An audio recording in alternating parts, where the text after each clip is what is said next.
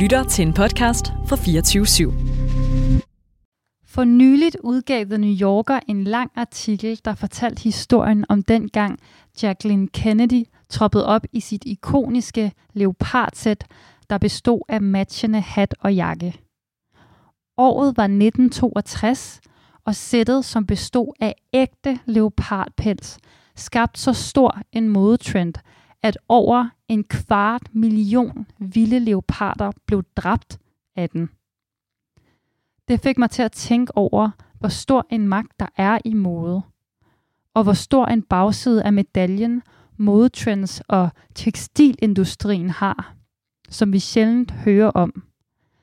Derfor skal vi i dag tale om magt i tekstilindustrien, og til at blive klogere på det har jeg inviteret stifteren af tekstilrevolutionen i studiet.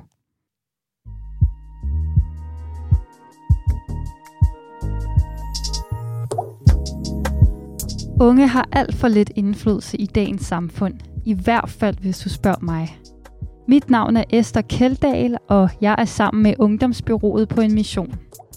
Missionen er at sikre unge mere magt, for jeg ønsker forandring, og det kræver magt.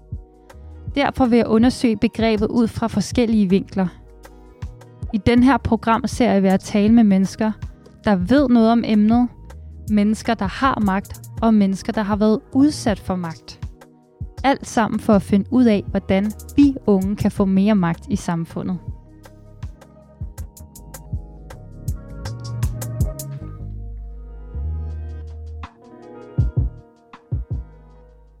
Og jeg øh, kan jo lige så godt øh, være ærlig, at jeg, jeg elsker tøj. Jeg elsker virkelig at sætte et, øh, et fedt outfit sammen, og det er en meget sådan kreativ proces for mig faktisk, hele det her med at bygge et outfit op om morgenen.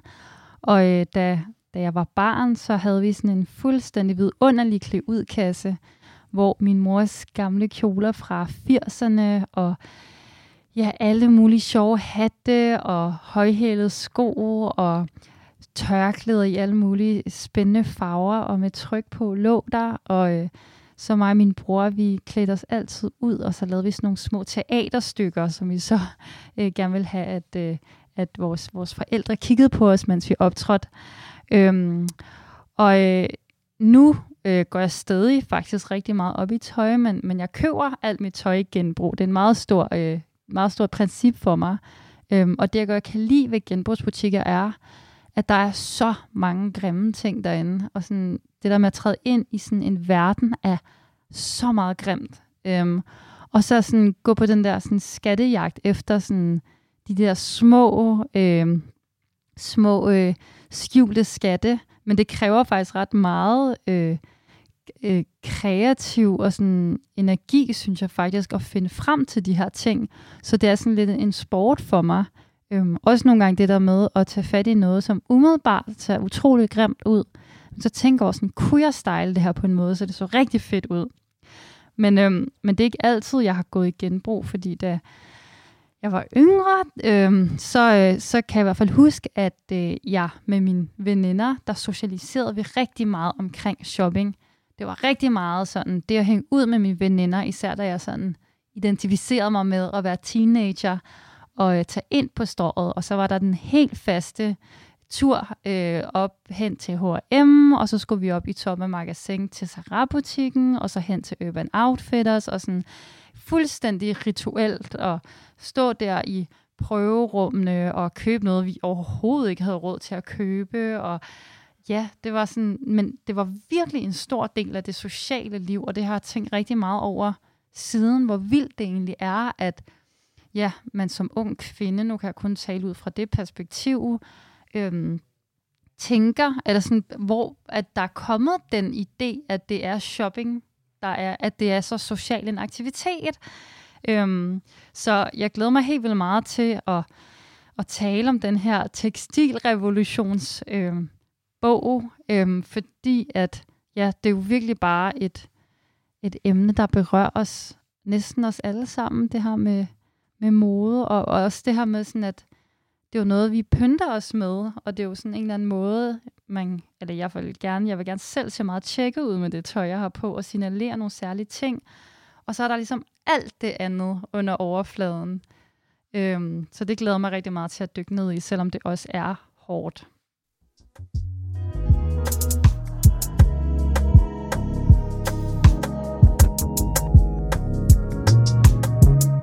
Og nu skal vi byde rigtig velkommen til ugens gæst, og det er dig, Esben H. Ligt. Udtaler jeg dit efternavn rigtigt? Meget fint. Øhm, du er tekstil iværksætter og kan kom. Jeg går ud fra, at det betyder, at du har en kandidat i kommunikation. Det er også rigtigt.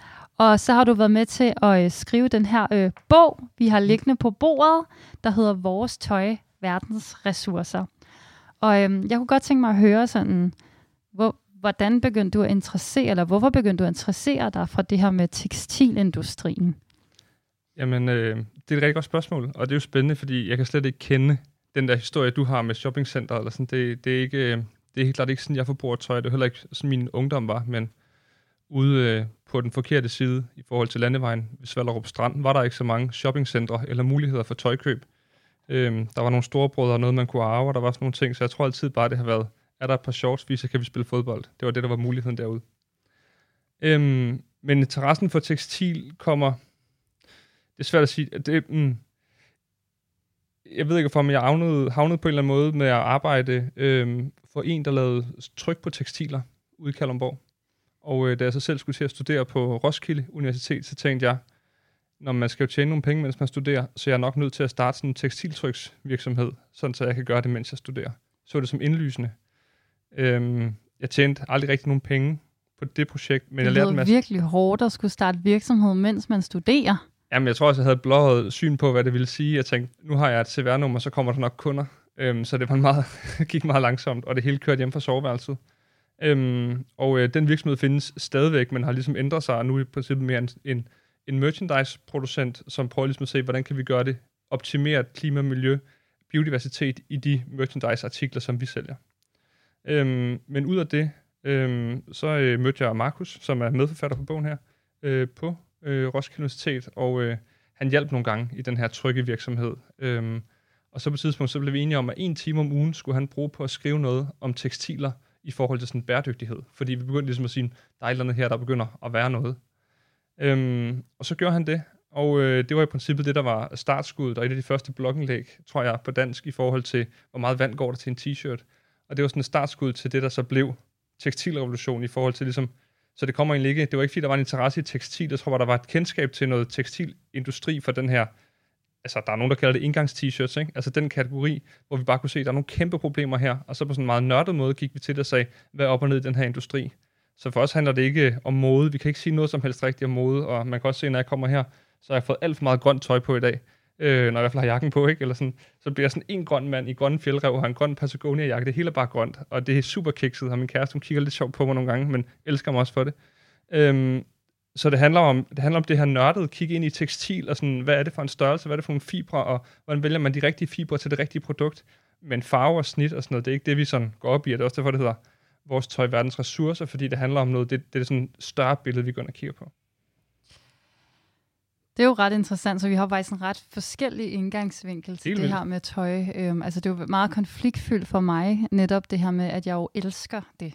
Øhm, men, men som klimaaktivist er jeg også utrolig bevidst om, hvor sindssygt skadelig en industri det er. Mm. Og så sådan hele det der dilemma mellem sådan, jeg vil gerne købe noget mega fedt tøj i genbrugsbutik, og ligesom på en eller anden måde er jeg jo stolt over at vise min genbrugsfund frem, men samtidig er jo også ved med, bliver jeg ved med at reproducere nogle idealer om, at du skal have et mega fedt outfit på, og de idealer er jo også med til at og ligesom holde modeindustrien kørende, så det er sådan, ja, det er i hvert fald en konflikt, jeg sidder rigtig meget med, så det er jo, det er jo virkelig nogle forskellige indgangsvinkler.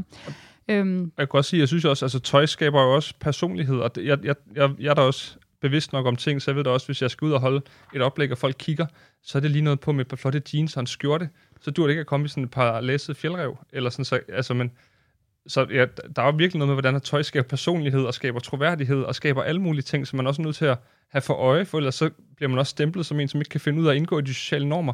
Så er der jo sindssygt meget bundet op i tøj. Der er så meget, og jeg har faktisk i morges, der skulle moderere en samtale inde på sådan et, øh, ja, sådan et meget, et, et kontor øh, en kontorbygning, der hedder Lederstræde 20, som er for sådan en masse voksne mennesker, der arbejder med bæredygtighed. Der er en fond og Concito Klimatænketanken, og det var sådan meget, ja, sådan i mine øjne sådan meget voksen og professionel. Mm. Og så mm. har jeg jo så også taget de her sådan sorte... Øhm, øh, sådan uldagtige jakkesætsbukser på, og, og, og en skjorte, dog med korte, altså uden ærmer, for det, det må gerne være lidt edgy, men det skal også passe lidt ind i normen, så det, det er virkelig noget, jeg tænker meget over. Mm. Øhm, og, og netop det her med normer og pas ind, og um, det, det faktisk, det fylder sindssygt meget.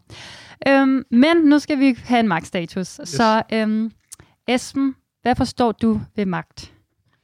Jamen, øhm, ved magt, så forstår jeg det med, at nogen ved nogle bevidste handlinger kan få andre til at gøre noget, øhm, som de måske bevidst eller ubevidst så, så gør, uden at de ved helt, hvorfor de gør det. Men det synes jeg, ligger rigtig meget magt i, specielt i tekstilindustrien. Mm. Og hvornår føler du dig magtfuld? Mm. Altså, nogle gange, når vi sidder øh, ude på Nørrebro og har den her tænketank og tænker, nu skal vi prøve at ændre verden, øh, så kan man godt ligesom åbne, altså de store brands i Danmark har jo større øh, marketingafdelinger, end vi mennesker, der prøver at kæmpe den anden vej. Ellers der kan man, der kan man virkelig føle sig magtfuld. Eller magtfuldkommen, eller ikke magtfuld, men der kan man føle sig magtløs. Magtesløs? Ja. Okay, så det, det er faktisk, du føler dig ikke magtfuld, når du tænker Nå, på alt det her? magtfuld, ja, der, der tog jeg den modsatte. okay, men så lad os, okay, så ja. du føler dig magtesløs, når du ligesom bliver bevidst om, hvor store kræfter, hvor mange penge det egentlig er i op imod, eller? Helt vildt. Altså, der kan man virkelig føle sig magtesløs. Øhm, og øh, der er man nødt til virkelig at holde fast i, ligesom se, at vi også får nogle fede folk med, øh, som begynder at ændre, og vi kan begynde at snakke med nogle politikere for dem til at ændre. Øh, men man kan virkelig godt miste modet nogle gange, når man tænker, hold kæft, det er en stor industri, det her. Hvornår føler du dig så magtfuld? Yes. Jamen, øh, det gør jeg, når vi alligevel så kan banke døren ind til de rigtige politiske kontorer, øh, når vi kan få store brands til rent faktisk at sige, vi kan godt se, at der er et problem i det her. Øh, når vi kan få folk med på vores rejse og på en eller anden måde skabe en bevægelse. Fordi vi kan ikke øh, som lille tænketank ændre verden. Så også derfor, vi kalder det en tekstilrevolution, fordi vi er nødt til at skabe en bevægelse. En bevægelse af folk, der vil være med til at ændre verden til det bedre. Og hvad er det for eksempel for nogle politiske kontorer, I sparker døren ind til? Jamen alle dem, der har lyst til at snakke med os. Men det er jo der, hvor de ligesom sidder med lovgivningen. Altså kan vi få øh, udvidet producentansvar på dagsordenen ind i Folketinget? Øh, kan vi få dem til at have nogle øh, federe øh, holdninger i forhold til den lovgivning, der foregår nede i EU? Eller sådan, så det er alle mulige politiske kontorer, hvor vi ligesom kom ind og bare snakke med politikere, præge dem i en rigtig retning. Og det er jo, at, at vi er en tænketank på naturens vegne, siger jeg nogle gange, og den er bare en dårlig betaler i forhold til de store virksomheder, som køber nogle lobbyister, øhm, fordi der er nogen, der kan tjene penge på det, og naturen tjener ikke penge på det, så det er en, det er en, dårlig, en dårlig arbejdsgiver, vi har valgt os. Mm. Ja, det kender jeg jo alt til, men, øhm, men det er jo, altså det ved jeg ikke, at, da du sådan i forhold, er bare lige for til det, det her med de mm. politiske kontorer, det der ja. med at opdage, at man faktisk rent faktisk godt kan skrive til en politiker og bede om et møde. Har det, hvad, sådan, hvad, hvad har det gjort for dig at, at opdage det, at der faktisk ikke, måske ikke altid er så langt til Christiansborg? Jamen det synes jeg er fedt. Altså det, det fejrer vi, når vi kan få en politiker ud til os, eller få lov til at komme ind på besøg, men det der med, at de rent faktisk skal lydhøre, øh, det med, at de rent faktisk øh, øh, også rækker ud til os, når de først forstår, hvad det er, vi står for, vi kan, altså bliver vi jo sindssygt stolte og sindssygt høje, fordi at så kan vi se, at det batter rent faktisk noget.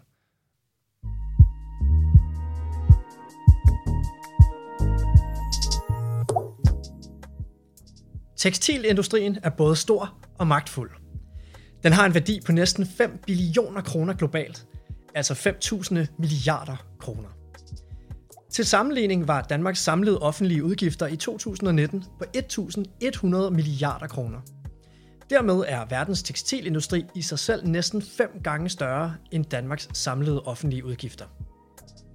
Mellem 140 og 260 millioner mennesker er ansat inden for tekstilindustrien verden over. Desværre har rigtig mange af dem dårlige arbejdsvilkår, og børnearbejde er hyppigt i industrien. En rapport fra ILO, International Labour Organization, viser, at 88% af de adspurgte i tekstilindustrien ikke ville have, at deres børn skulle arbejde i samme industri som dem selv. Problemerne dækker over alt fra dårlig løn og manglende kontrakter til et dårligt arbejdsmiljø med skadelig kemi. Ja, og nu skal vi jo høre lidt mere om, hvad, hvad, hvad den her tekstilrevolution, tænketank tekstilrevolution laver, ud over at sparke døren ind til de rigtige politiske kontorer. Men sådan, hvad, hvad, hvad går jeres tænketank ud på, og, og hvad er ligesom jeres, hvad er jeres overordnede projekt?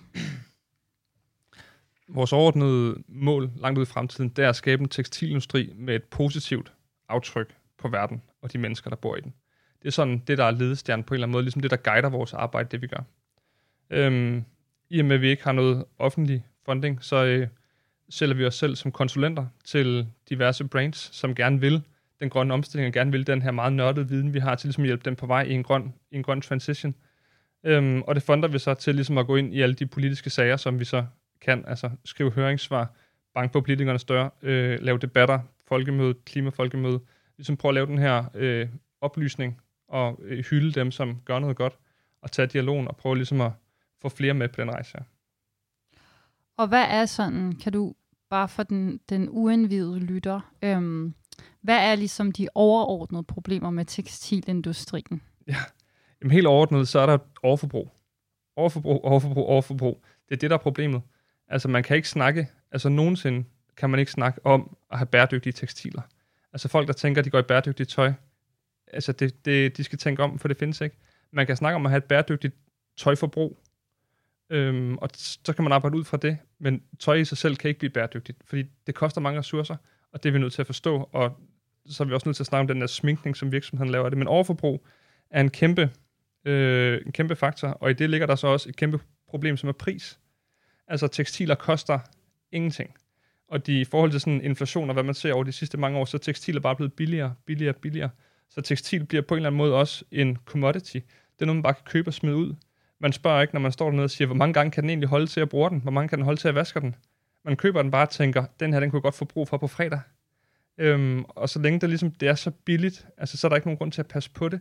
Og hvis det så går i stykker, efter man har brugt det et par gange, så er man sådan lidt, den koster kun 80 kroner altså, så er man også ligeglad med det. Altså, vi kunne aldrig finde på at købe vaskemaskiner, biler eller telefoner, hvis ikke vi kendte batteritid, hvor mange vask kunne den lave, hvad koster den per vask, hvor mange kilometer kører den på literen.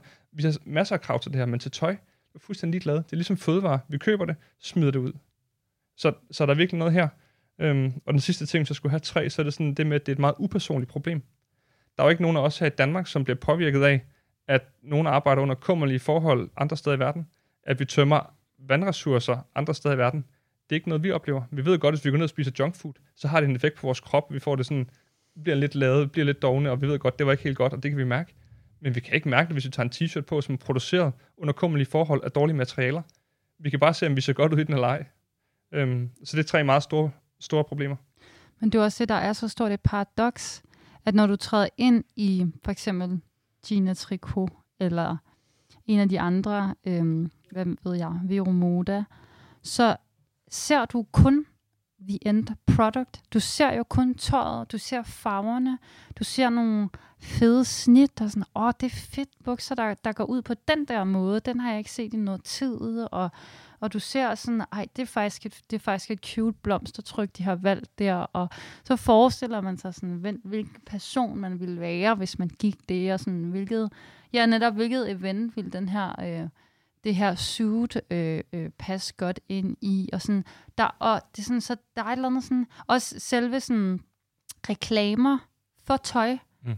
det er jo også bare sådan rigtig tit modeller, der smiler utrolig meget, der er rigtig meget smil, og Feels, det shoppingcenter ude i Ørestaden, de har jo det der come together, så det er meget sådan hele den der, øh, ja, vi er bare sammen, vi er bare lykkelige i alt det her tøj, så sådan, der er virkelig et, så i forhold til det med, det er jo på en eller anden måde klart, at det bliver så upersonligt, når sådan hele den branding og alt det, vi ser, når vi træder ind i en butik eller bliver præsenteret for mode, det er kun positivitet og drømme og farver og inspiration.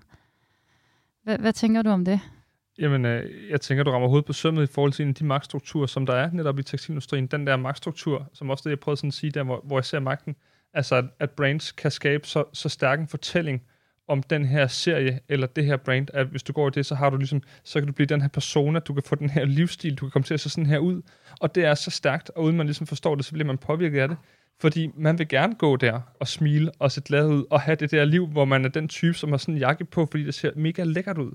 Og der ligger bare et eller andet det, hvor at at brands ved, at de kan snyde forbrugerne til at købe de her ting, fordi det bliver sådan en psykologisk ting, men du vil jo gerne se lækker ud. Du vil jo gerne være derude, hvor at, øh, du får muligheder, og du vil gerne, altså du vil, bare, du vil bare så gerne have det liv, som det på en eller anden måde udstråler. Også, og så kan du sige, at jeg er ikke modtagelig for det. Men det er du. For ellers så gjorde de brands det ikke. Altså, og det er så stærk en magt, de har i at, i at lave den markedsføring, de laver.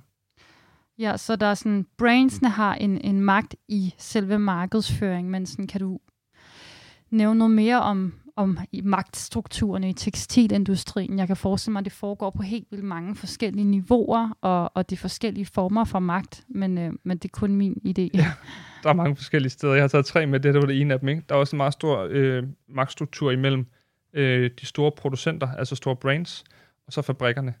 Altså det der med, at de der fabrikker der, de er helt nede og kører nogle markeder nogle gange, på sådan, de kan tjene 4-5% på den her ordre her, fordi det bliver presset så meget. Øh, og den magt, et brand... 4-5% på ordren, hvordan?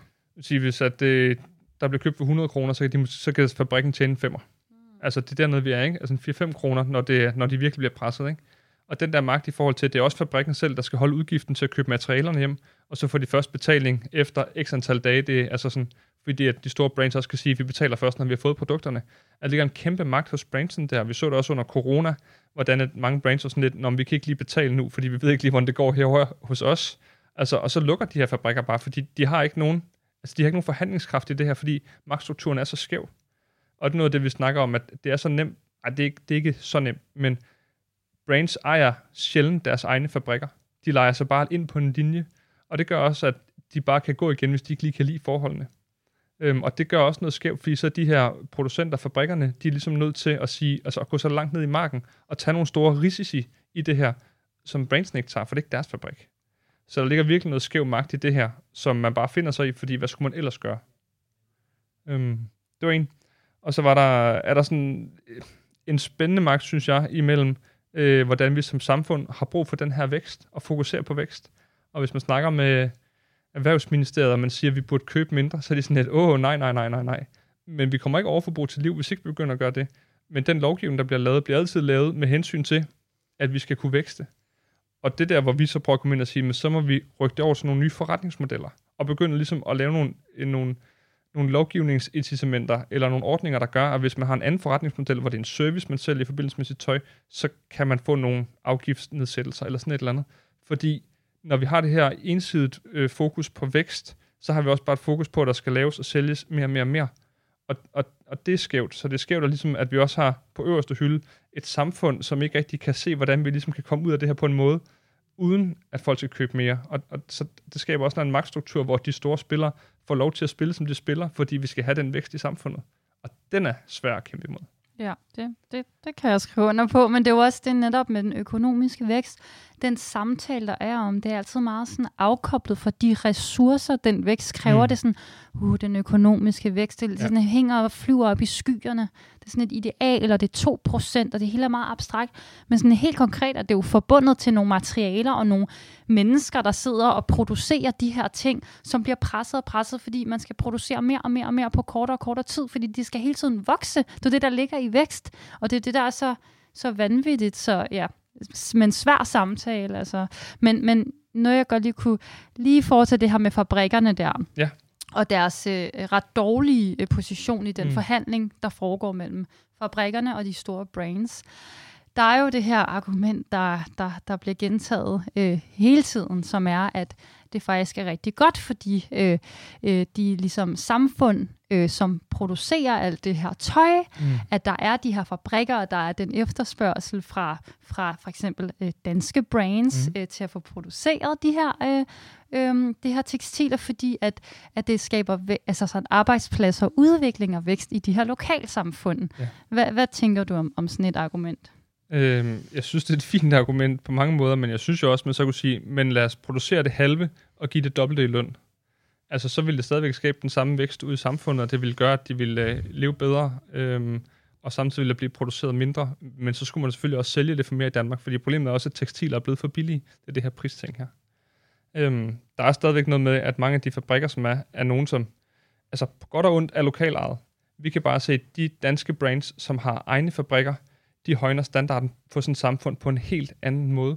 Så det der argument med, at det er bedre, at det, det, er, dem, det er dem selv, der ligesom ejer en fabrik og ligesom kører det, og så må de selv ligesom stå for ting internt, det blander vi os ikke i. Det er sådan en vaske hænder ting. Øhm, og de der brands, der tør gå ned og sige, okay, vi bygger en fabrik her, og vi står på mål for alle arbejdsforholdene, og vi står på mål for, at der ikke er øh, slavelignende arbejdsforhold, vi står på mål for, at der er toilet på alle etager, vi står ligesom på mål for alle de her ting her. Så ser du også bare et samfund, som på en helt anden måde kan fastholde medarbejdere, fordi virkelig også på mange af de her fabrikker, der ligger ude østpå, at så arbejder folk der en sæson, og så kommer de ikke tilbage. Fordi det er så dårligt forhold, så finder noget andet, der er lige så dårligt. Det er den, men de fabrikker, hvor der rent faktisk er nogen, der tør sige, vi ejer den her fabrik, så bliver folk hængende, og så har du også nogle, nogle medarbejdere, som kan dygtiggøre sig inden for det, de gør, i stedet for at man skal ud og finde nye, der hele tiden skal lade sig op. Jeg kan næsten kun se positive ting ved, at flere fabrikker tør gå ned og så eje deres egen, egne fabrikker. Eller flere brands går ned og tør eje fabrikker.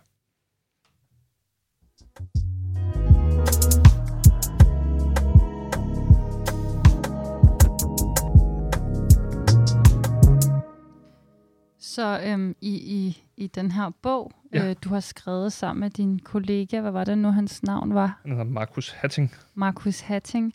Der øhm, bruger I sådan ofte det her eksempel med sådan en t-shirt som sådan en case. Mm. Hvad, hvorfor sådan? Hvorfor er det en god case? Jeg tror bare, t-shirten er så simpel. Altså, det, jeg, jeg kender ikke nogen, der ikke har en t-shirt. Øhm, og folk forstår den. Folk øhm, har prøvet, den er gået i stykker. Øhm, alle har prøvet at hænge den op. Folk har den tit på. Altså, den, den er nem at forholde sig til. Jeans kan blive noget andet. Er man typen, der godt kan lide, det er noget tykt denimstof, eller vil man gerne have det lidt mere sådan en uldjakkeseks eller buks, eller hvad er det egentlig for en størrelse, ikke? Men alle kender en t-shirt, alle kan forholde sig til den. Og sådan, hvad, hvad er det for en, en, en rejse, sådan en t-shirt er igennem, indtil man, man går med den op oh. øh, ned ad strået øh, på sin krop i ja. juni måned? Jamen, den har igennem en kæmpe rejse. Det er, jeg vil ønske, at jeg lige kunne finde det, for jeg kan ikke huske alle. Jeg tror, vi snakker 14 steps. Der er selvfølgelig forskel på, om det er en polyester eller en, en bomulds t-shirt. Øhm, men bomuld, som vel, altså, mindre du skal ud og dyrke noget sport, er den mest behagelige. Altså, så er det jo noget med, at den, øh, altså, du skal starte med at dyrke det her frø, altså et bomuldsfrø. Og det er allerede der, synes jeg, at der er mange, der ikke tænker over, at i stedet for den her bomulds t-shirt, så kunne nogen have fået kartofler. Mm. Altså sådan allerede der er der en eller anden tanke, hvor man ligesom siger, okay, folk kunne have dyrket fødevarer i stedet for at og, dyrke og tøj. Og det, har, det er der jo meget fokus på lige nu i forhold til, til Ruslands mm. invasion af Ukraine og den mangel på landbrugsmarker, ja. fordi Ukraine producerer så meget hvede normalt. Ja. Så sådan, det er jo virkelig et fokus på, hvad bruger vi vores areal på? Helt sikkert. Øhm, ja, men der skal den selvfølgelig nøses. Øh, så er der tit en mellemhandler, der kommer og køber bomulden, bliver købt til en fabrik, og så skal den til at starte med spindes, øh, så det bliver en tråd, og når det er sådan en tråd, så skal den på en eller anden måde væves eller strikkes. Når det er en t-shirt, så skal den tit strikkes.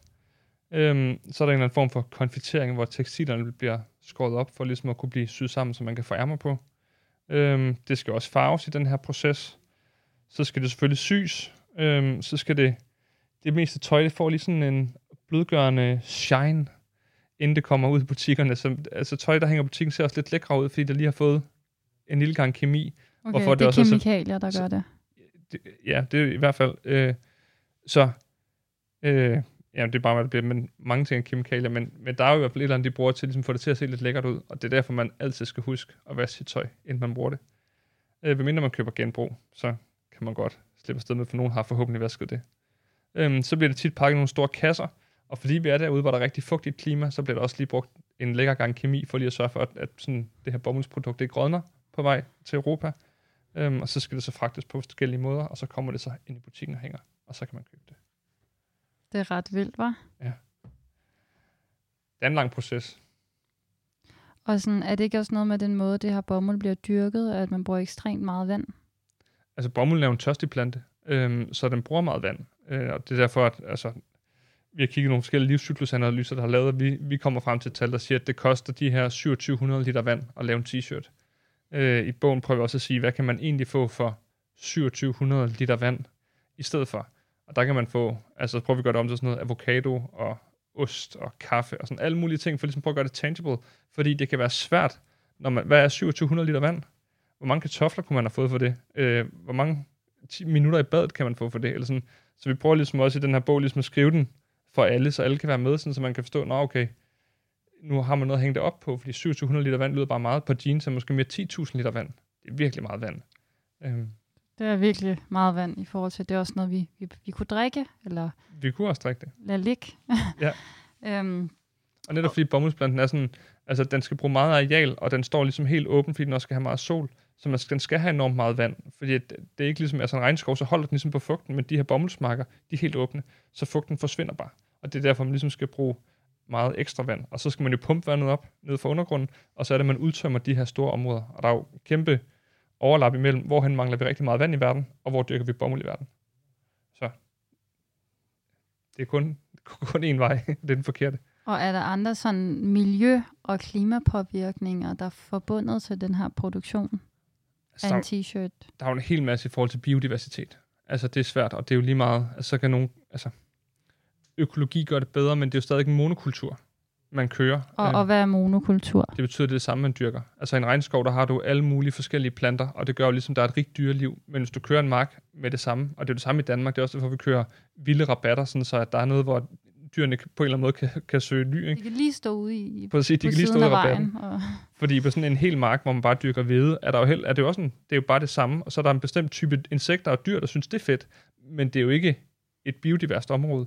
Så sådan, og, og det er det samme, man gør, når man fælder de her regnskov, og man bruger de her arealer, så har man stadigvæk en monokultur, så det er ikke fordi, man har et rigt dyreliv i de her områder. Så der er stadigvæk en kæmpe biodiversitetskrise forbundet med den her tekstilproduktion, for at sige en. og hvad med så sådan, ja, i, i dansk kontekst, altså sådan tekstilindustrien, øhm, har, producerer vi egentlig sådan tekstiler i Danmark, eller er vores, den skade, vi, kan man sige, påfører planeten og, og mennesker, er den, er den i højere grad forbundet til vores forbrug af tekstiler, der bliver importeret? Helt klart, helt klart det sidste. Det er jo helt klart en forbrugsting i Danmark. Vi laver ikke specielt meget tøj i Danmark. Der er nogle steder, som får lavet små kollektioner, og der er nogle steder, hvor de kan køre sådan nogle mik- mikroproduktioner. Så der foregår... Jeg ved ikke, altså, der findes ikke flere spænderier i Danmark, så der bliver ikke spundet tråd. Øhm, men hvis der er noget i Danmark, så kan der være noget uldproduktion. Men det, altså, der er ikke nogen, der bruger den danske uld til sådan noget rigtig fornuftigt i forhold til at spinde det og lave noget af det. Øh, det skal altså helst være noget lækker, blød merino, som man får fra nogle andre steder i verden. Og sådan, ja, det er bare i for, nu skal vi også snart til at snakke om sådan, hvad, hvad kan vi gøre ved alle de her ting? Og Ja. det er jo super fedt, I har den her tænketank, men I, I ønsker jo også en, en større folkelig bevægelse, Mhm. mm-hmm. fordi at det kan jo heller ikke bare hænge på skuldrene af jer, og de, fordi jeg der er også, der er også en del mennesker, der arbejder med det her med bæredygtig tekstilproduktion og Mm. alt muligt, men det er jo stadig få, tænker jeg, der egentlig arbejder konkret med det, i forhold til sådan, hvor mange der arbejder for bare at fortsætte systemet, som mm. det har fortsat i mange år. Øhm, men sådan, ja, min oplevelse af det, der sådan er blevet gjort i den periode, jeg har været bevidst om, om tekstilproduktionens øhm, bagside, øhm, det har ligesom været det her med, at for eksempel H&M, de har haft den her, jeg ved ikke om de stadig har det, sådan conscious collection, at der ligesom mm. bliver introduceret nogle, nogle kollektioner, nogle valgmuligheder i butikkerne, som så sådan, herover er det ligesom bevidste hjørne, herover er det bæredygtige hjørne. Men det placerer jo også ansvaret enormt meget på forbrugerne, at de så skal hen og tage det fornuftige valg, og så er det sådan lidt det kedelige tøj hen i hjørnet, hvor alt det andet farvestrålende tøj, det, det må man så ikke rigtig få, men det er der stadig i butikken. Jo. Øhm, Jamen, jeg synes, altså, der er, der er jo et helt vigtigt, altså jeg kan ikke, altså præmissen for det, du spørger om, er forkert lige nu, fordi øh, alt det, der er conscious, eller er certificeret, eller alt muligt, det har jo stadigvæk et næsten lige så stort klimapåvirkning. Så det er på mange så måder, det er greenwashing faktisk, Det er på al- i allerhøjeste grad det vil jeg sige, altså på mange måder, så siger vi også, det er jo bedre, at du går ned øh, et eller andet helt tilfældigt sted, og køber på bukser, og bruger dem 1000 gange, end du køber de mest certificerede bukser, og bruger dem 100 gange. Fordi her og nu handler det om overforbrug, og det handler om, at vi bruger for mange ressourcer. Så før, altså når vi først ligesom har fået ressourceforbruget ned, så kan vi begynde at sige, burde vi ikke gøre det her miljørigtigt? Jo, selvfølgelig burde vi det. Men derfor har vi også lavet et hierarki, og ligesom siger, hvad er det, man skal gøre. Og hvis du sådan, hvis ikke du vælger at købe holdbart tøj, du kan se dig selv bruge længe, jamen så er du på en eller anden måde en klimasønder i det her, fordi så er du bare med til at skabe mere overforbrug. Men hvem er det egentlig, du synes, der har ansvaret for det her overforbrug, vi, vi har? Du nævnte det her med, med den økonomiske vækst, men øh, sådan, fordi at det er også nok det, der synes, synes der er lidt øh, grumset i hele den her samtale, mm. at det bliver bare meget nemt, at man sådan bare vrede på alle mulige almindelige mennesker for at lave overforbrug, men det er jo en kæmpe system, der skaber alt det her, eller det er i hvert fald sådan min Jamen, det er også, Og det er der, jeg siger, at de er bare så gode virksomhederne, fordi det føles som om, når der er det her hjørne herovre, der er conscious, eller green, eller hvad vi skal kalde det, så tror man som forbruger, at nu, nu kan man bare købe løs, fordi nu er ting blevet gode, det er blevet bæredygtigt. Og det er en kæmpe udfordring, og det burde der være nogle oplysningskampagner i forhold til, at, at sådan er det ikke. Altså, det er ikke bæredygtigt, selvom der står det i green. Det er måske en lille smule bedre, i bedste fald. Øhm, så ansvaret ligger helt klart hos brands, fordi jeg mener netop, der er den her magt. Der er en magt i, at de ligesom kan sige, om det her var det bedre, det kan du bare købe, købe, købe, købe, købe, købe. Altså, jeg blev på tidspunkt spurgt af et brand, øhm, om jeg ville stå model for en, øh, en bæredygtig lille del af deres kollektion, de havde. Mm. Øhm, og så var jeg jo meget smiret, uh, model, model, det vil jeg da gerne. Men, men, men så var jeg sådan, hov, vent, it's probably a, tra- a trap. Og så spurgte sådan, jeg og, og hende, som vi, vi var blevet spurgt sammen, sådan lidt ind til det her brand, sådan, hvad gør I egentlig sådan overordnet set, og sådan, hvad er jeres langsigtede bæredygtighedsstrategi? Og det var bare at producere nogle få items, som på en eller anden måde skulle fremstå som bæredygtig, men ja. al resten af produktionen var jo, som det hele tiden havde været, og så var sådan, nej, det, det, det kan jeg simpelthen ikke være med til. Men, øhm, men hvad med sådan, nu ser du, brainsene har, øhm, ja. brainsene har et, en, et ansvar, men hvad med sådan, hvad, hvad er der egentlig sådan politiske værktøjer, man kan gøre sådan det er for at regulere Jeg synes, det? Vi snakker til den her træenighed, ikke? Der er brains, der er forbrugere, der er politikere eller lovgiver. Øhm, og, og vi kan ikke klandre forbrugerne, fordi de gør, hvad de kan, og det er en travl hverdag, og vi kan ikke forlange, at de skal sætte sig ind i det her på samme niveau, som, som vi har. Og forbrugerne bliver konstant manipuleret af reklameindustrien og modebladet til yes. at købe mere. Øhm, politikerne har også et ansvar, og, og det er jo svært for dem, fordi de, har, de synes, det er rigtig svært, hvis de skal til at lave noget lovgivning, der gør, at vi ikke kan lave vækst, vækst, vækst, vækst. Øhm, så det der med, at man skal købe, købe, købe, og der skal vækst, vækst, vækst, det gør, at, at det bliver rigtig svært. Øhm, og det er der, hvor vi siger, at vi er nødt til ligesom at kigge på, hvordan er det, vi kan ændre de her forretningsmodeller. Hvis ikke vi kan få brands til at begynde at ændre forretningsmodeller, så er det her et, øh, altså, så er det, så er det en tabt kamp på en eller anden måde. Fordi vi er nødt til at komme derover, hvor der kommer til at være et fokus på service. Du betaler mere for det, til gengæld så reparerer vi det. Øh, eller der er en, ja, altså reparation er en kæmpe faktor det her. Altså kan vi begynde at gøre det? Det kan også være det her med at lease sit tøj, fordi hvis man leaser sit tøj, så er der igen et kæmpe incitament for, at øh, at det bliver produceret så holdbart og så godt som overhovedet muligt. På en eller anden måde som forbruger er det svært, men, men vi snakker, når vi snakker holdbarhed, så snakker vi også tre typer holdbarhed. Der er sådan teknisk holdbarhed, altså sådan, øh, holder den, øh, går der hul i den, eller, øh, øh nej, teknisk, det er mere sådan, elastikken bliver den slap. Så er der en fysisk holdbarhed, altså kan holde, altså hvornår begynder stoffet at pile og blive nusset og grimt, og så er der sådan en emotionel holdbarhed. Altså hvor, hvor lang tid har jeg glad for den. Og, og tøj ryger tit ud på den emotionelle holdbarhed. Og det er måske der, hvor... At, altså, og det er svært, fordi vi bliver præget til, wow, der er en ny farve, vi skal have gul nu alle sammen. Øh, ud og købe gul, og så det her orange fra sidste år, det kan altså godt rende mig.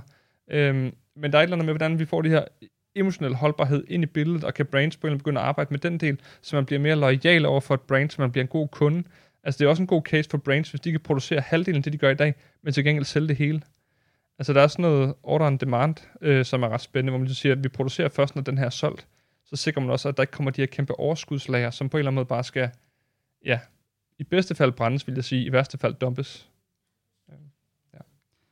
Det, det, er jo, ja, det, kan virkelig godt relatere til den der emotionelle bæredygtighed, fordi også hvis jeg selv, altså også sådan et eller andet sådan mega fedt item, jeg har følt var sådan, wow, det var bare sommeren 2018, og så gik man helt vildt meget i det, og så pludselig nu er det blevet øh, efteråret 19, og så føler jeg bare sådan, at jeg er slet ikke den samme, som jeg var i sommeren 2018. Så derfor så kan jeg ikke have den her på, fordi det er bare sådan, det er bare en identitet, jeg ikke, jeg ikke gider have længere. Mm. Så, sådan, og det, så det, det er virkelig, og det, det tænker det er sådan på virkelig dybde psykologisk plan. Altså, så der ja. er sådan, det lyder nærmest som om, at der skal lidt psykoanalyse faktisk ind i sådan hele den, men det er der jo allerede i reklameindustrien.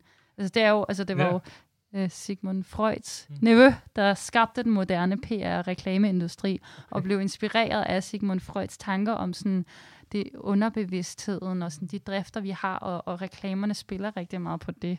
Ja. Øh, men det er jo et helt andet emne, men det er jo, det er jo super spændende.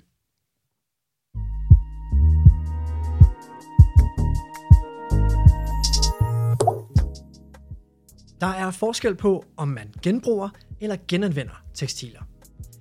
Genbrug er, når det samme stykke tøj bliver købt eller overtaget af en anden. I 2018 blev 6.000 tons tøj givet videre eller overtaget, mens 1.600 tons tøj blev udvekslet og solgt via en butik eller en anden platform, for eksempel en digital markedsplads. Genanvendelse. Det er, når tekstilerne i tøjet anvendes til at producere noget nyt. For eksempel et andet stykke tøj, nogle klude eller isolering i vægge. Genanvendelse er en god ting, men udviklingen af systemer til genanvendelse er ikke så effektiv endnu. Så i mange tilfælde kan det stadig bedre betale sig at producere tekstiler ud fra rene og nye materialer. Inden for genanvendelse, der skiller man også mellem upcycling og downcycling. Hvis et materiale omdannes til noget, som er mindre værd, så er det downcycling. Det kan for eksempel være t-shirts, der bliver lavet om til klude. Hvis noget bliver upcyclet, så bliver det mere værd. For eksempel juicebrikker, der omdannes til en taske. Jo renere materialer man har, jo nemmere er det at skille dem fra hinanden og dermed kunne genanvende dem. Derfor er det også allermest bæredygtigt at producere tekstilerne i så høj kvalitet som muligt. Du lytter til Ungdomsmagt, og i dag har jeg Esben Licht i studiet fra øh, Tekstilrevolutionen, som er en tænketank, der prøver at virkelig øh, gøre noget ved tekstilindustriens meget, meget store bæredygtighedsproblemer. Øhm, og øh, vi er ved at være ved den sidste del af, af interviewet i dag, som jo sådan handler lidt mere om, vi har også været lidt inde på det, men sådan, hvad kan vi egentlig gøre ved det også som unge? Øhm, og sådan, kan du sige noget om, hvilken altså, rolle unge spiller i forhold til tekstilindustrien? Øhm, ja. Jamen altså, noget af det, vi siger, det er, at man kan starte med at slette den der Shein-app, man garanteret har på sin telefon. Fordi det er noget rigtig, noget rigtig skidt. Øhm, og for dem, der ikke ved det, så er det jo sådan en, en lækker app, hvor man lynende hurtigt direkte fra Kina kan få sendt rigtigt, sådan hysterisk billigt tøj. Øhm, og det er på alle måder alt, hvad der er galt med tekstilindustrien. Øhm, unge har til gengæld også en, en stor magt i forhold til at påvirke de hjem, de kommer fra. Øhm, og vi har set det meget med den bevægelse, der har været i forhold til sådan spise mindre kød. At øh, mange børn og unge er kommet hjem og sagt, vi burde spise mindre kød herhjemme. Øhm, og så begynder forældrene rent faktisk at tænke over det. Der kunne godt være nogle af de samme tendenser, som man kunne se i en tekstilindustri, at, at unge rent faktisk begynder at sådan være sådan, når man, vi burde faktisk lade være med at købe nyt, nyt, nyt hele tiden. Og det er jo ikke kun tekstil, det er jo også nye fjernsyn, nye tallerkener, nye alt muligt, eller sådan, hvad skal vi med alle de nye ting? Hvorfor kan vi ikke bruge det færdige, vi har? Øhm, så der, der, en, der ligger noget i det. Øhm, men der ligger også noget med, hvor få unge, der rent faktisk ved, hvor store problemer der er i de forskellige industrier. Men det er også meget at skulle holde styr på, fordi man skal holde styr på både mad, på tekstiler, øh, på elektronik, på transport, altså alle de industrier, man på en eller anden måde bruger og forbruger. Altså det, det er jo en jungle. Ja, og det er jo også derfor, at sådan, jeg er rigtig kritisk over for den her øh, tendens, der er til at lægge ansvaret over på vores skuldre som forbrugere, til at skulle være mega bevidste om alle de, øh, hvor vi bruger vores penge og sådan noget, fordi at det er så store strukturer, det er så stærke systemer, der kører i så højt et gear, at, at hvis du sådan som forbruger skal gå ind og tage, tage det ansvar på dig, så er det altså en ordentlig byrde og skulle være bevidst om altid. Mm. Så er der ikke nogen andre måder, vi sådan kan hacke systemet på, øh, ved at gå ind og prøve at skabe strukturelle forandringer i forhold til tekstilindustrien. Jeg synes, det er meget at, at, at skulle pådule de unge, at de skal, skal på den måde kunne løfte ting. Noget det, det gælder selvfølgelig også øh, voksne og gamle sikkert. mennesker, fordi vi Men jeg har tænker bare, et ansvar. generelt kan det, at de måske kan gå ind og stille flere kritiske spørgsmål, når de handler. Altså sådan ser, hvad er det rent faktisk, det her der? Øhm, hvor kommer det fra? Ej, jeg selv den der fabrik? Øh, kan I stå på mål for det? Hvor langt tilbage kender jeg supply chain? Nogle ting, men man skal altså også være rimelig vidende for at kunne stille nogle af de her spørgsmål. Det er også det, det er jo mega krævende at skulle netop være en bevidst og Præcis. kritisk forbruger. Et spændende spørgsmål, det kunne være, hvor mange gange kan den her trøje holde til at bruge den? Og hvor mange gange kan den holde til at vaske den? Altså sådan, kan man få nogen til at svare på det, så begynder det måske også at være noget, der ligesom er sådan, altså så skal nogen i hvert fald stille nogle spørgsmål videre, øhm, i forhold til at finde ud af, hvad, hvad kan der rent faktisk holde til. Øhm, men det, altså, det vil være et spørgsmål, jeg tror, der kan rykke meget, og vi venter også stadig på at finde det brand, som tør skrive i deres tøj, hvad det kan holde til, hvor mange vask, hvor mange gange brug, fordi man mener, det kan være med til at skabe, skabe en debat i forhold til, når har jeg overhovedet tænkt mig at bruge den her t-shirt øh, 100 gange? Altså, jeg snakkede med min far om, han sagde, hvis jeg skal bruge en t-shirt 100 gange, så skal jeg jo kun have fire t-shirts om året. Så sådan et, ja, så skal du lade være at købe de der grimme nogen. Ikke? Men købe nogen, der rent faktisk er flotte, du godt gider at bruge. Altså, fordi t-shirts er så billige, så kan du få to for 150, eller sådan et eller andet med et eller andet uduligt print på, ikke? Men man gider ikke bruge dem 100 gange, fordi altså, så køb heller et eller andet, der er lidt, lidt plain, som du kan bruge igen og igen og igen. Men, men hvis for eksempel, at, at Brains, de skriver, hvor mange gange man kan vaske en t-shirt, det er klart, det vil selvfølgelig også presse dem til at lave tøj af bedre kvalitet, går ud fra, men det er jo også at lægge ansvaret igen over på forbrugeren, og så skal man stå der sådan, uh, er det det rigtige, burde jeg købe den så, og sådan, det, fordi det er jo bare sådan, det er bare, det, det er hardcore, og at det altid ender med at blive en, forbrugerens ansvar på en eller anden måde. Jeg synes heller ikke, nu snakker vi om, hvad forbrugeren kan. Jeg synes ikke, det er forbrugerens ansvar, men jeg synes bare, at det her med, det er, et, det er et ret enkelt spørgsmål. Hvad kan den holde til den her? Og jeg synes, det er en af de ting, som man netop som, som ung eller som gammel kan gå ind og, og stille som et kritisk spørgsmål for at få det svar. Så kan man tage en vurdering, om man synes, det er godt nok eller ikke godt nok. Jeg synes også, det giver en en, en tro på, ligesom at sige, hvis de siger, den kan holde øh, lavt sat 30 gange vask. Hvis man så ved, at man kun har brugt den to gange, så ved man også, at man burde gå ind og klage. Men lige nu har man bare købt det til 80 kroner, så ved man der ikke, hvorfor skulle jeg klage? Jeg har ikke rigtig givet noget for den. Hvad kunne jeg forvente? Øhm, så jeg mener bare, det ændrer lidt i magten, at man ved, man burde klage. Der er også rigtig mange unge, ligesom mig, der for eksempel køber rigtig meget genbrugstøj. Yes. Øhm, og sådan, hvad, hvad tænker du omkring genbrugstendensen i forhold til hele den her snak? Øhm, jeg synes, at øh, altså genbrug er godt. Lad os få mere af det. Øhm, der er så meget tøj lige nu, at, at det er som om, det rækker ikke rigtig nogen steder. Der, der, den der kurve i forhold til, hvor meget tøj bliver produceret, den er ikke knækket nu. Der bliver produceret mere hele tiden. Øhm, så, så det, som, det har ikke den ønskede effekt, at der er nogen, der går i genbrug, men det kan selvfølgelig gøre, at man for den enkelte kan sige, jeg ved, at jeg ikke har et, et yderligere miljøimpact, fordi jeg køber kun nogen, noget, nogle andre har kasseret. Øhm, og hvis man holder sig 100% til at bruge genbrug, så har man jo et bæredygtigt forbrug af tøj. Øhm, det handler om, at man så ikke en gang imellem lige køber noget nyt, som man så putter ind i systemet. Så man er nødt til at holde sig til det her genbrugssystem, og så kan man egentlig godt også shoppe amok inden for det, fordi altså den, det har ikke nogen miljøpåvirkning, at du gør det, men hvis du selv en gang imellem lige putter en ekstra trøje ind, eller en kjole ind, eller en buks ind, så er du bare en del af, af dem, der sørger for, at der kommer mere. Og der er så mange dårlige tekstiler, at der hele tiden er så meget, der ryger ud over grænsen, som ingen gider gå med. Okay, så hvis jeg, for eksempel, jeg, jeg, jeg prøver faktisk virkelig sådan at kun holde mig i genbrugsloopet, og sådan, jeg, har, jeg, sådan, jeg nyder det virkelig meget. Sådan, ja. det, det giver mig glæde at gå i en genbrugsbutik, så det er ikke sådan, fordi det er en sur pligt for mig eller noget. Øhm, plus jeg elsker at spare virkelig mange penge på det. Mm. Selvom, altså nu snakker vi også om, at tekstiler, nye tekstiler er blevet for billige, men jeg synes stadig, det er mega dyrt tanke, om man skulle købe ting fra nye, når man kan få det meget billigt i genbrug. Så ja. sådan, der, der bliver jeg også lidt, lidt økonomisk der med pengene, men øhm, hvis jeg for eksempel, fordi det er også utilfredsstillende for mig, at det jeg ligesom gør i forhold til tekstilindustrien, når jeg ved, hvor fuldstændig uretfærdigt det hele foregår, og hvor mange sådan, hvor meget lidelse der er forbundet med den her industri, at jeg ikke ligesom gør mere end bare ikke at bidrage til industrien. Så hvordan vil jeg for eksempel kunne understøtte tekstilrevolutions arbejde som ung, hvis jeg virkelig gerne vil sådan gøre mere i forhold til det? Altså det bedste man kan gøre, det er jo at få skabt den her bevægelse altså få gjort, at flere bliver bevidste om, hvor store miljøimpacts der er i tekstiler. Så det med, at den enkelte ændrer sit forbrug, har ikke det store impact, men at man kan som ringe i vandet få flere til at begynde at overveje, at de burde ændre deres forbrug. Det, det er der, vi på en eller anden måde skal hen, og det er der, hvor at bevægelsen kommer ind i billedet. Fordi der er ikke nogen, der kan gøre det her ved bare at ændre noget selv. Man er nødt til at få nogle flere med. Og det er meget den der, man godt kan føle sådan, om jeg gør alting godt. Men det er bare så ligegyldigt, når der står nogen herover der er pisselig glad, ikke? Så vi er nødt til på en eller anden måde at få flere med til at gøre det gode, så vi også kan begynde at få dem, der egentlig er ligeglade til at være nødt til at ændre holdning, for nu er det det, der bliver den sociale norm. At i stedet for, at det hele skal være nyt, nyt, nyt, altså man ligesom siger, kan vi vende den om, så det bliver noget andet? Altså, så det er delordninger, eller, eller hvad det kan være. Øhm. Jeg tænker i hvert fald den der idé om, at, at man har en industri, der er bundet op på, at du leger et stykke tøj, og så mm. har du det i en måned, så giver du det videre, så kommer man også udenomkring det der med den emotionelle holdbarhed. Så det tænker jeg også er et ret godt sådan, mm. ting, man kunne kæmpe for. Ja. Øh, men hvad med sådan noget, kunne, man, kunne, kunne, kunne, vi, kunne vi lave en demonstration på Christiansborg Slotsplads?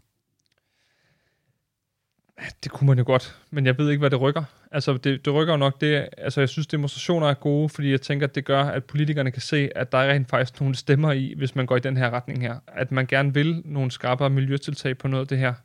Øhm, personligt har jeg givet op på nogle af de der ting der, hvor jeg tænker, øh, det arbejde, vi laver øh, med at prøve at presse øh, fra forskellige vinkler og komme ind på kontorerne og sige vores mening, har en større effekt. Og vi står heller ikke og shamer nogen af de store og siger, at øh, H&M og bestseller skal lukke i morgen. Vi prøver i højere grad at sige, H&M og bestseller, skal vi ikke mødes, så vi kan snakke om ting, sådan så vi på en eller anden måde kan øh, se, om vi kan skubbe jer i den rigtige retning, eller sådan, I kan være med til at gøre noget godt, eller sådan, I har øh, så store muskler, så hvis I ændrer 1%, så er det federe, end hvis vi kan få øh, fire gymnasier til at ændre noget 100%. Altså så de der kæmpe effekter. Ja, så I tager dialogvejen frem for kon- den store konfrontation. Det gør vi langt hen ad vejen. Vi tror på, at det giver mening for folk i tale, i stedet for bare at stå og råbe over for et hjørne. Det er der, hvor det måske ikke er så revolutionært. Det er der, hvor det måske mere er, vi er nogle, nogle pæne akademikere, som egentlig gerne vil dialogen og gerne vil, at vi, vi får snakket om, hvordan vi kan rykke verden. Men vi ser os bare, at vi er nødt til at skabe en bevægelse, der gør det, for ellers så er der bare nogen. Og det her, vi snakker rigtig meget om det her med, at noget legalt eller noget moralsk. Rigtig mange brains agerer på et legalt niveau. De gør ikke noget, der er ulovligt. Moralsk er det bare slet ikke i nærheden af at være. Eller sådan, så, så hvordan vi kan hæve brains, så de begynder at agere på et moralsk niveau. Hvis man agerer moralsk, så går man ikke ud og prøver at lave slavelignende forhold. Man presser ikke prisen så meget, man kan. Man opfører sig ordentligt i verden, og man laver ordentlige ting. Men det hele er bare bundet op på, om det her det er legalt. Du må godt udnytte ressourcerne i de her lande. Fint nok. Og, og det der med, at nogen kan udnytte ressourcerne og gøre sig rige på vores fælles ressourcer, pisser mig fuldstændig af. Jamen, øh, lad det blive det sidste ord for dagens interview. Øhm, tusind tak, fordi du var med, Esben H. Ligt. Selv tak. Og øh, der er næsten ikke tid til at lave en opsamling, men det eneste, jeg kan sige, jeg fik med, eller ej, jeg fik rigtig mange ting med, men det der med sådan at tænke i holdbarhed, frem for at tænke så meget over sådan produktion, det der med, at det bare handler i højere grad om at bruge den samme ting sindssygt mange gange, frem for at købe de mere conscious ting. Det synes jeg var virkelig et takeaway fra i dag. Øh, men jeg er meget kritisk over for forbrugerfixering, men øh, det var rigtig spændende, at du var med, Esben. Og øh, ja,